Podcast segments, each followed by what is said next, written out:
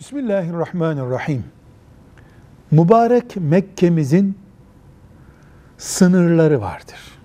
Yaklaşık olarak 100 kilometrelik bir mıntıkası Harem-i Şerif'ten sonraki o büyük mıntıkası ihramsız yani elbiselerle gi- girilemez bölgedir.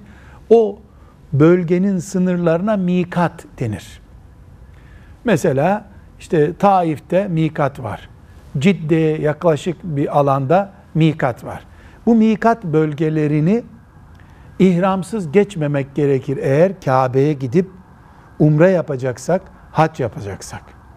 Bir Müslüman mikat denen bölgeleri yaklaşık 100 kilometre bu rakam.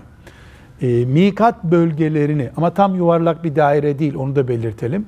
Yaklaşık olarak söylüyorum. Bu mikat bölgelerini umreye gittiği halde, hacca gittiği halde, ihrama girmeden bu elbiseleriyle geçecek olursa yanlışlıkla veya cahillikle bu Müslümanın geri gidip mikat bölgesinden e, yeniden elbiselerini çıkarıp ihram giyip gelmesi gerekir Mekke'ye.